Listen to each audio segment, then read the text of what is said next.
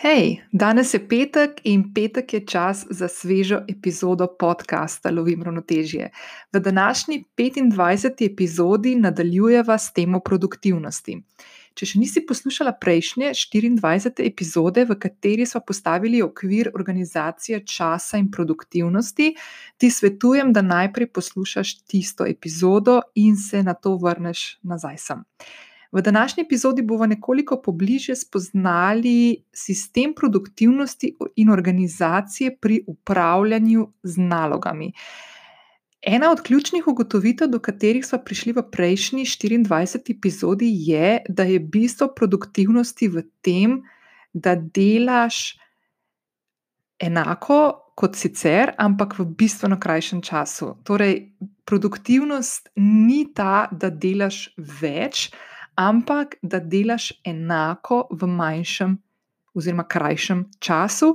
In s preostankom časa, ki ti ostane, ker si produktivna in organizirana, upravljaš tako, da v tistem prostem času delaš tisto, kar te veseli, napolni z energijo in ti omogoča, da v življenju krepiš tisto ravnotežje med delom in prostim časom.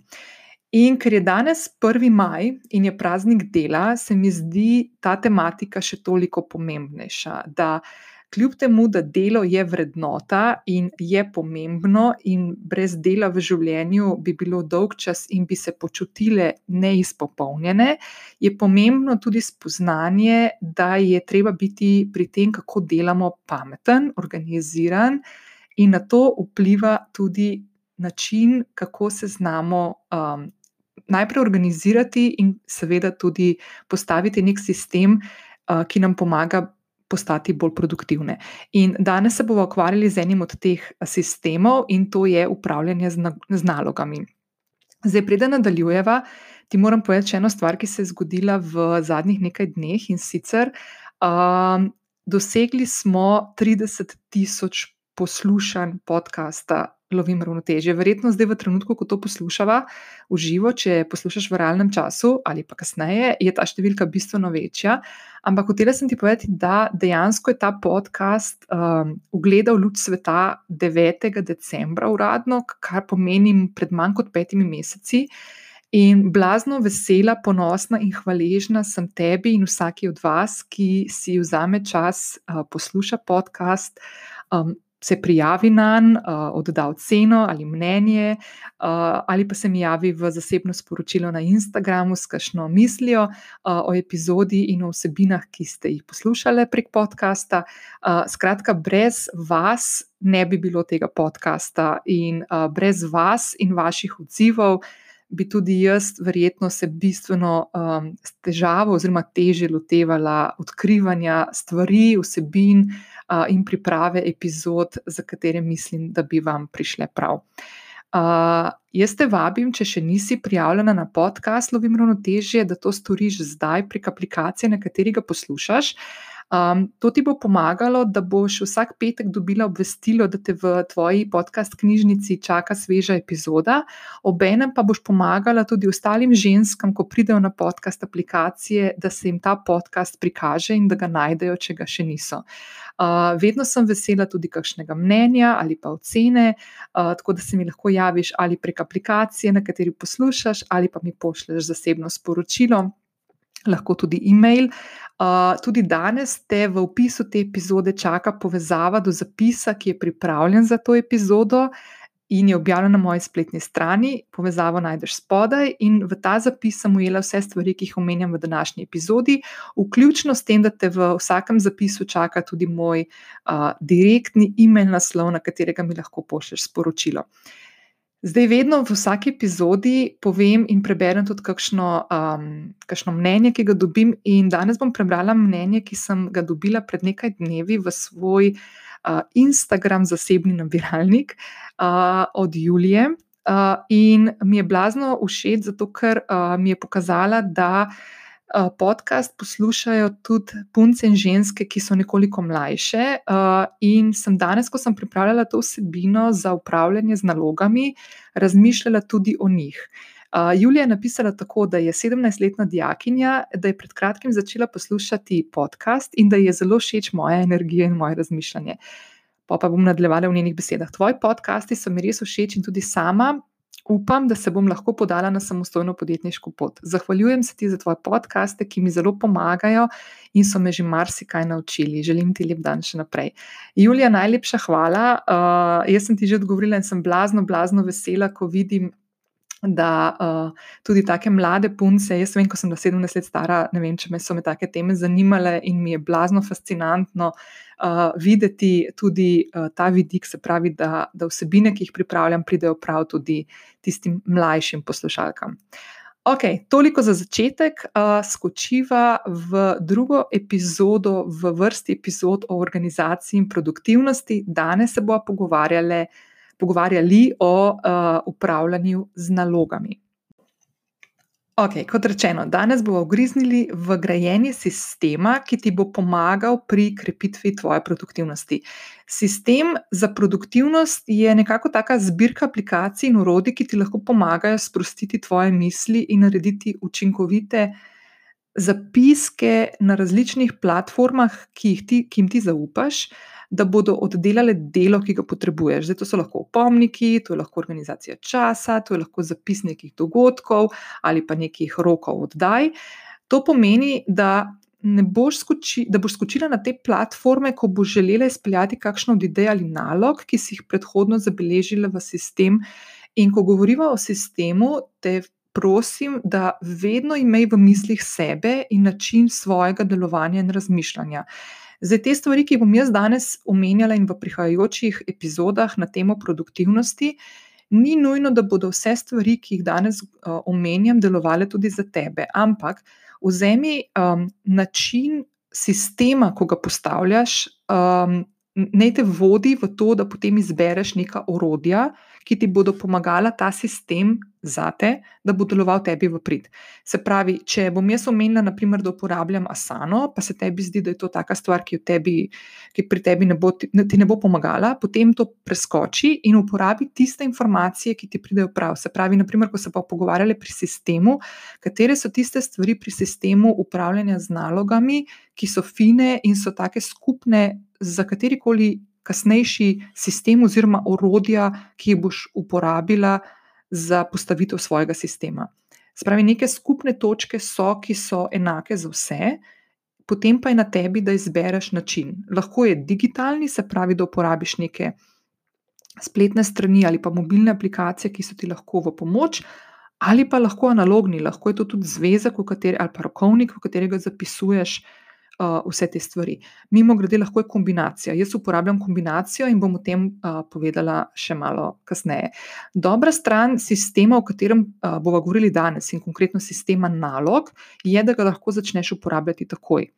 Tako da, ne glede na to, ali delaš v nekem večjem sistemu, da si zaposlena v nekem večjem podjetju, lahko si samostojna podjetnica, lahko si dijakinja, kot je Julija, ali pa študentka.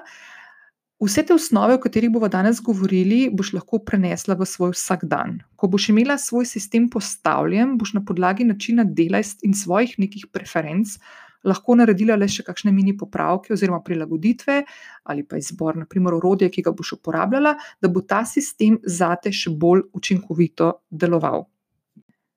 Že v prejšnji 24. epizodi podcasta smo govorili o razliki med nalogami in dogodki.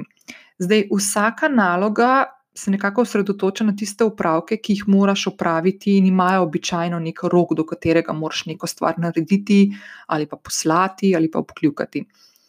Zdaj, dogodki in naloge so različni v tem, da dogodek se zgodi točno ob določenem času. Ponavadi ima nek začetek, in nek konec. Naprimer, sestanek. Naprimer, imamo sestanek v sredo ob 9. in predvidoma bo trajal do 10. ure. Tukaj je nekoliko uh, treba razumeti tudi dinamiko, da naloge imajo seveda nek rok, do katerega je treba poslati ali pa oddati neko zadevo ali pa jo narediti, ampak ni nujno vedno vezana na nek konkreten termin, ki se začne in konča ob točno določenem času. Uh, Že v prejšnji epizodi smo omenili, da se naloge načeloma naj ne bi dodajalo in zapisovalo v koledar, ker običajno nimajo tega točnega termina začetka in konca. Nalogo lahko opravimo do nekega določenega termina in ne točno na ta termin, kot velja naprimer za dogodke, če imamo naprimer sestanek ali pa nek konferenčni klic. Zdaj, naloge imajo nekoliko bolj fleksibilno časovno dimenzijo. Tako da lahko jih naprimer opravimo kadarkoli med zdaj in trenutkom, ko mora biti ta naloga narejena. To je lahko, ne vem, deset minut ali pa en mesec kasneje ali več. Najboljša stvar pri upravljanju z nalogami je, da glede na to, kje se nahajaš, ali si naprimer zaposlena, ali si samostojna podjetnica ali pa študentka, naloge vnašaš, vnašaš v sistem in skrbiš za to, da so te naloge opravljene v nekem dogovorjenem času. Zdaj, sam proces se ne spremeni veliko, ko prehajaš iz nekih študentskih let v delovna aktivna leta in po potrebi dopolnjuješ ta sistem, ampak v osnovi ostaja enak. Tako da, ko razmišljaš o tem, kako bi lahko sebe organizirala in svoje naloge, ki niso vezane na točno specifičen termin od do.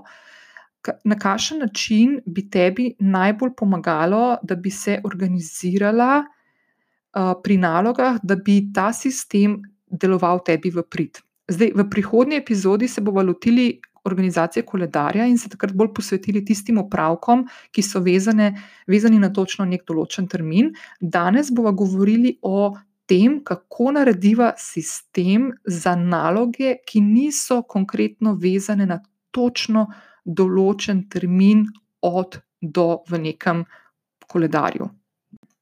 Zdaj, ko govorimo o postavljanju nekega sistema, ki bo deloval tebi v prid, je fino, da pogledamo v nekaj takih pravil pri upravljanju z nalogami, ki zajemajo neke take običajne izzive, ki ti znajo povzročati preglavice in te zapeljati z neke poti grajenja sistema, in seveda potem tudi kasnejše uporabe tega sistema. Zdaj, najpogostejša stvar, ki se ti lahko zgodi, je, da ne zaupaš sistemu, ki ga imaš ali pa ki ga boš zgradila. Naprimer, v sistemu neseš nekaj nalog in jih upraviš, in potem ali ne zabeležiš novih, ker se ti zdi, da si jih lahko zapomniš, ali pa. Kot naprimer pri meni, zapišeš določene naloge na post-it listek in se ga prilepiš na mizo ali pa naprimer na hladilnik. Ta sistem sicer lahko deluje, ampak je kratkoročen in dejansko ne odgovarja na stvari, s katerimi se želiva mi dve zdaj ukvarjati, da postaviva nek sistem, v katerem boš ti svoje misli in svoj kratkoročni spomin razbremenila in pustila prostor za tiste stvari, ki naj bi se dogajale v tvojih mislih in možganjih. Ampak, če so preveč zasičene z določenimi nalogami, ki jih moraš opraviti, ne boš imela časa, prostora in energije za njih. Zdaj, ne glede na to, kako dober sistem imaš postavljen, če ga ne boš uporabljala, mu ne boš stotodstotno zaupala. To se lahko zgodi, naprimer, da en teden, ko si postaviš, naprimer, danes poslušaš podcast in si odločiš, ok, glede na to, kaj Nina zdaj povedala, bom jaz si se začela sestavljati svoj sistem za upravljanje z nalogami. In se boš tega lotila, in ti bo to funkcioniralo, in boš delala dobro.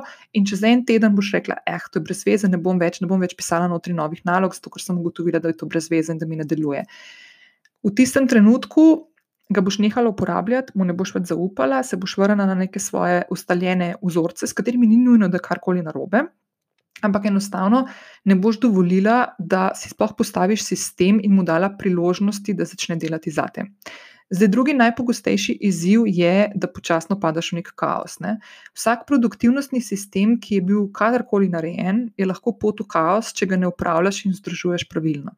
Zato je spet en tak lep primer tega, je, da naprimer v sistem lahko napišeš naloge, ki jih ne boš nikoli označila, da so bile upravljene, ali pa ne boš nikoli posodobila stvari, kar lahko pripelje do tega, da sistem ne prikazuje več neke slike realnosti med tvojimi zadolžitvami in nalogami, ki te še čakajo. In to spet pripelje do nezaupanja v ta sistem in gotovo opuščanje, ki te čaka v kratkem času tretji izziv je, da sistem lahko postane pretirano nasičen. Naprimer, zjutraj se zbudiš in odpreš ta svoj sistem za upravljanje nalog, iz katerega pade nešteto nalog, ki te enostavno paralizirajo in ne veš več, kje začeti, kako se nalog lotiti. In zdaj začne tvoje telo sporočati, da raje pusti zbeži stran in pač zaprita sistem, ker ti povzroča tesnobo in začneš iskati, sploh v teh dneh, če poslušaš to uh, epizodo v realnem času, ko še delamo od doma, uh, lahko začneš iskati doma neke distrakcije. Lahko je to Netflix, lahko je pospravljanje, lahko se odločiš, da boš šla peč kruh z družmi, ker si to videla na Instagramu, da je full fine.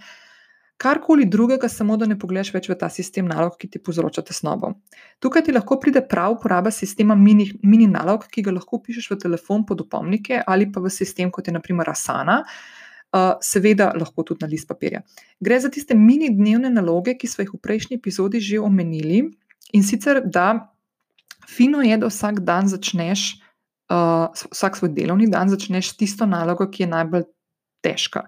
Tisto nalogo, ki bi jo najraje dala nekomu drugemu, ali pa imela že narejeno, ker se enostavno ne želiš z njo ukvarjati, ker ti gre na živce, ker je smotana, ker uh, vem, je mogoče taka ali kakšna administrativna, pa si ti kreativna oseba po naravi. Tista naloga, ki ti gre res na živce in si misliš, zakaj hudiča mi tega treba zdaj narediti. Tisto nalogo narediš prvo zjutraj. In potem, takoj za to, se lotiš mini nalog. To so tiste naloge, ki od tebe zahtevajo, ne vem, do crka tri minute na nalogo.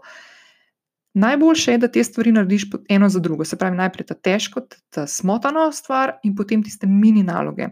Ko enkrat te naloge upraviš, jih enostavno zbrišeš.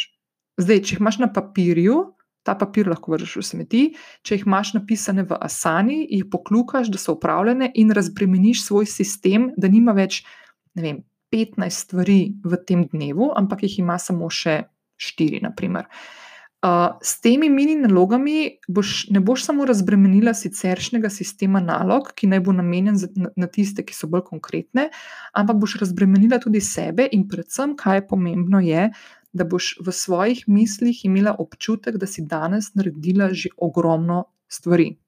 Cel point tega, da narediš najprej ta najbolj težko stvar in potem niz tistih mini, mini nalog je, da pokljukaš večino stvari, ki jih imaš na svoji, naprimer, dnevni listi, in imaš občutek, da si produktivna in boš veliko lažje upravila potem še tistih preostalih nekaj nalog, ki te čakajo v tistem dnevu. Zdaj, bistvene lastnosti upravljanja z nalogami uh, vključujejo eno stvar, ki je najbolj najpo, najpomembnejša, ko si predstavljaš, kako bi se želela lotiti nekega svojega sistema. Razmišljaj o tem, da imaš enostaven dostop do tega sistema. Bolj ko boš komplicirala, bolj ko bo ta dostop kompliciran, bolj kot bo kompliciran vnos nekih nalog, hitreje ga boš nehala uporabljati.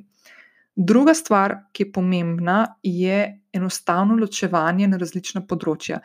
Vsi imamo v življenju različne stebre ali pa vedra nalog in zadožitev. Naprimer, študentka ima lahko različne predmete, če si samostojna podjetnica, imaš lahko različne projekte ali naročnike. Potem je tukaj še cel nek sistem nekih zasebnih nalog, kot je naprimer nakupovalna lista, lahko je neko spremljanje napredka v treningih. Vsa ta različna področja dela in življenja želimo imeti ločena. In včasih si želiš pogledati samo, naprimer, na listo zasebno, naprimer, kaj imaš tisti dan za opraviti, ali moraš iti v trgovino, ali moraš opraviti trening, ali sem, si se zmenila, da boš imela uh, Zoom Gin Tonic s svojo prijateljico, karkoli takega. Fino je, da te stvari ločuješ. K temu bo se bomo vrnili tudi potem, ko bomo v naslednji epizodi govorili o upravljanju s koledarjem in z dogodki. Zato si to malo zapomni. Um, To je vedno fino uh, imeti narejeno in pregledno, zato da uh, enostavno lahko dobimo pogled samo v tisti segment življenja ali pa dela, ki nas v tistem trenutku zanima. Zdaj, tretja pomembna lastnost je uh, prilagojen pogled v to, kaj te čaka danes, jutri ali pa čez en teden.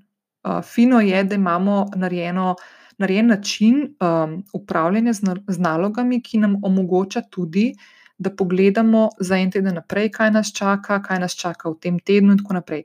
Ta način nam najbolje služi, če uporabljamo kakšno od digitalnih ali spletnih strani ali pa mobilnih aplikacij. Nekoliko težje je te stvari imeti pregledne, če delamo analogno, se pravi, da si zabeležimo naloge v svoje rokovnike, seveda pa lahko uporabljaš uh, kombinacijo obojega. Zdaj, kako lahko to sestaviš, da bo sistem deloval tebi v, v prid? Ne glede na to, kateri sistem si boš uh, izbrala in ga uporabila, ali je to naprimer Asana, Slack, Notion, Trello ali pa papir, rokovnik, je fino začeti z glavnim ogrodjem sistema. Najprej je fino, da oblikuješ skupine projektov za specifična področja v tvojem življenju. Naprimer, lahko je to projekt XY ali pa predmet XY, če si študentka ali pa dijakinja. In v te specifične skupine vključiš tiste projekte, ki sodijo v to skupino ali pa so z njo povezane. Če ti, na primer, ponazorim na svojem primeru. V moji skupini naročniki imam, na primer, mape. In vsaka master mapa je namenjena enemu naročniku. Pod vsako master mapo, ki nosi ime naročnika, imam dodatne mape, ki so lahko ponudba, vsebine, časovnica, fotomaterial, strategija. Vsak sistem imam na vseh platformah enak. Naprimer, Dropbox je moja platforma, na kateri so doma vsebine, se pravi, vsi dokumenti, vse fotografije, ki jih potrebujem, ponudbe, računi, um, sporočila za medije, kratke novice, ki jih pripravljam za novinarje, uh, potem sem sodijo tudi, naprimer, adreme, naprimer, zbirka novinarjev. Uh, naprimer, scenarij, če imam dogodke, in tako naprej. Vsaka taka stvar potem paše v svojo mapo. In Asana je tista platforma, v katero si zapisujem naloge, ki so razporejene po nekem enakem sistemu strukture, ki mi omogoča, da vsakič znova ne iščem, kam sem ali pa moram nekaj zapisati. Eno nalogo. Naprimer, če vem, da moram za eno naročnico pripraviti strategijo, bom naprimer na Dropboxu odprla mapico strategija, Ponavadi bom že dala template strategije notri v Wordovem dokumentu, potem bom šla pa v Asano in bom po istem sistemu, se pravi, master, master um, mapa bo imela ime naročnika in potem bo znotraj te master mape strategija in notri bom napisala, naprimer, kaj vse potrebujem, katere naloge moram upraviti, da bom lahko obkljukala, da sem strategijo pripravila. Zato je lahko, naprimer, da naredim neko analizo trga, da naredim neko nek premislek, kakšne aktivnosti bi se lotili, lahko je tukaj notri že upisano, da pripravim posebej adremo za tega naročnika, lahko je notri naloga, da naprimer se povežem s fotografom, ki bo pofotkal vsebine, ki jih bom potem potrebovala, in tako naprej. Na tak način učinkovito popredalčkam naloge in tudi misli v moji glavi. To je, naprimer, sistem, ki sem ga jaz pri sebi oblikovala in mi nekako najbolj deluje in pomaga pri tem, da svoje misli pre, pre, nekako prenesem na papir, oziroma v tem primeru uh, v neko digitalno platformo, uh, in, in razbremenim svoje možgane, um, da ne nehno v ozadju meljajo, kaj moram vse narediti, zato da bom lahko obkljukala določene naloge. Zdaj, v mojem primeru mi, na primer, Asana omogoča, da nalogi dodam tudi rok, dokdaj jo moram narediti, in ta informacija mi na to pomaga razporediti dnevne in tedenske naloge, po, lahko je po dnevih ali pa po urah. In to je odličen način, kako si lahko začnem postavljati prioritete. Zdaj, enako velja za tiste daljša, uh, daljša obdobja. Navadno si znamo zapomniti stvari, ki jih moramo narediti v ne vem, danes ali v naslednjih nekaj dneh, tiste z daljšim rokom pa ponavadi ostanejo izven tega nekega kratkoročnejšega spomina. In sistem, kot je naprimer Asana ali pa katerikoli drugi sistem, ki si ga boš izbrala, ti omogoča, da na hiter in pregleden način vidiš, kaj moraš narediti v naslednjih dveh tednih ali v mesecu. Lahko enostavno filtriraš določene naloge v nekem določenem časovnem okvirju, da dobiš lep pogled v to, kaj vse te še čaka. In vsak od nas ima v življenju tudi tiste naloge, ki jih upravljaš pogosto, pa imajo številne korake oziroma podkategorije, ki jih moraš obkljukati. Naprimer, bom dala primer podcasta Lovim ravnotežje. Vsak petek izdam svežo epizodo in vsaka epizoda od mene zahteva pripravo. To gre za pripravo vsebine, gre za to, da, za, da pripravim zapis epizode, ki ga objavim na spletno stran priprava vsebin za družabna omrežja, pri katerih sporočam, da je sveža epizoda objavljena, in seveda samo snemanje epizode. Za vsakega od teh korakov imam, na primer, jaz zabeleženega v svoj sistem, kar pomeni, da tako poskrbim, da vse elemente pripravim pravočasno in da na kakšnega od teh korakov ne pozabim. Jaz temu po domače. To sem se naučila iz svojega dela, rečem odkljuknica. To pomeni, da imam nek sistem, kjer, v katerem enostavno obkljukavam vsako nalogo, ki jo moram narediti znotraj master naloge, ki jo pripravljam večkrat. In zdaj, za vsako nalogo, ki jo večkrat upravljaš, lahko pripraviš template oziroma nek okvir, ki vključuje torej, to odkljuknico za vse naloge, ki sodijo pod ta upravek. In ko boš naslednjice pripravljena na to nalogo, boš lahko samo obkljukavala tiste stvari z liste, ki si jih že naredila, in poskrbela, da res ne boš nikoli za nobeno stvar pozabila. Um, to je, naprimer, um, ko jaz govorim o tem, kaj vse moram pripraviti za podcast, naprimer, so to lahko različne stvari. Naprimer, jaz tudi, ko pripravim podcast, moram razmisliti, kako se bom tega lotila, ko bom pripravila. Zato, ker moram, naprimer, najprej moram objaviti spletno stran z zapisom. Ki ga potem unesem v opis vsake posamezne epizode, da lahko potem objavim epizodo, ki se potem razprši na, mislim, da na devet različnih podcast platform, pri katerih lahko poslušaš ta podcast, in potem moram link oziroma kodo vsake epizode nazaj vnesti v tisto tisti zapis epizode, ki je objavljen na moji spletni strani, da lahko epizodo vsako poslušaš tudi prek spletnega mesta. Naprimer. In jaz sem na začetku, ko sem, ko sem začela pripravljati podcast, imela s tem precej težav in sem se enostavno naredila nek tak, neko tako listo, nek tak pregled vseh stvari, ki jih moram pripraviti tudi grafike, ki jih pripravim, zato da pač ima vsak zapisnik v svojo glavo z grafiko, potem da vsak, vsak teden objavim story na svojem Instagramu ali pa, na, ali pa na Facebooku ali pa LinkedInu ali pa na Twitterju, zato da imam vse te stvari pripravljene, da ko pet pride petek in ko se zjutraj zbudim in objavim epizodo, lahko te stvari potem objavim tudi na vseh ostalih platformah. Zdaj, edina stvar, ki ti na koncu vsega tega še ostane, je, da zbereš nek sistem ali pa aplikacijo ali pa rokovnik, ki ti najbolj ustreza in začneš vanjo zapisovati svoje naloge. In zdaj fino je, da si postaviš neko rutino, kako se boš lotila teh nalog in kako se jo boš držala. Tako da vsak dan si določi nek čas, ko boš pregledala na listo nalog za tekoči dan ali pa teden in poskrbi, da boš obkljukala vse tiste naloge, ki si jih že upravila in boš zato s tem boš poskrbela za neko tako v navednicah zdravstveno stanje tvojega sistema. Kar pomeni, da bo ta sistem zate deloval, temu sistemu boš zaupala in ker mu boš zaupala, ga boš uporabljala.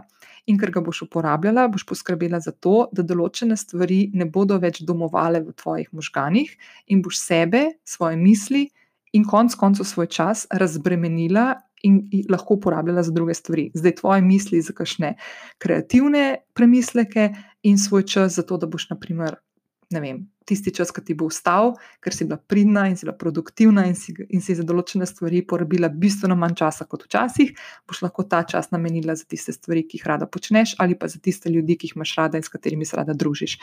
In to je en tak način, kako začneš v življenju lahko bdeti nad tem, da loviš ravnoteže med delom in med prostim časom, ki ti enkrat uspe malo boljše, drugič spet malo slabše, kar je tudi normalno. Ok, naslednji teden se bomo osredotočili še na en ključen in nujen sistem produktivnosti, in to je koledar, v katerega zapisujemo dogodke in upravila, ki so vezane na točno določen časovni trenutek. In uh, govorili bomo tudi o tem, kako uh, pripravljaš zapiske in kako si lahko oblikuješ sistem zapiskov.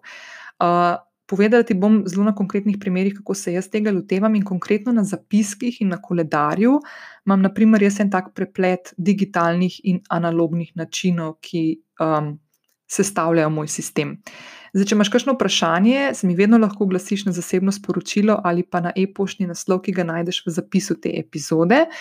Uh, danes smo končali, zaključili. Jaz ti želim en krasen prvi majski dan.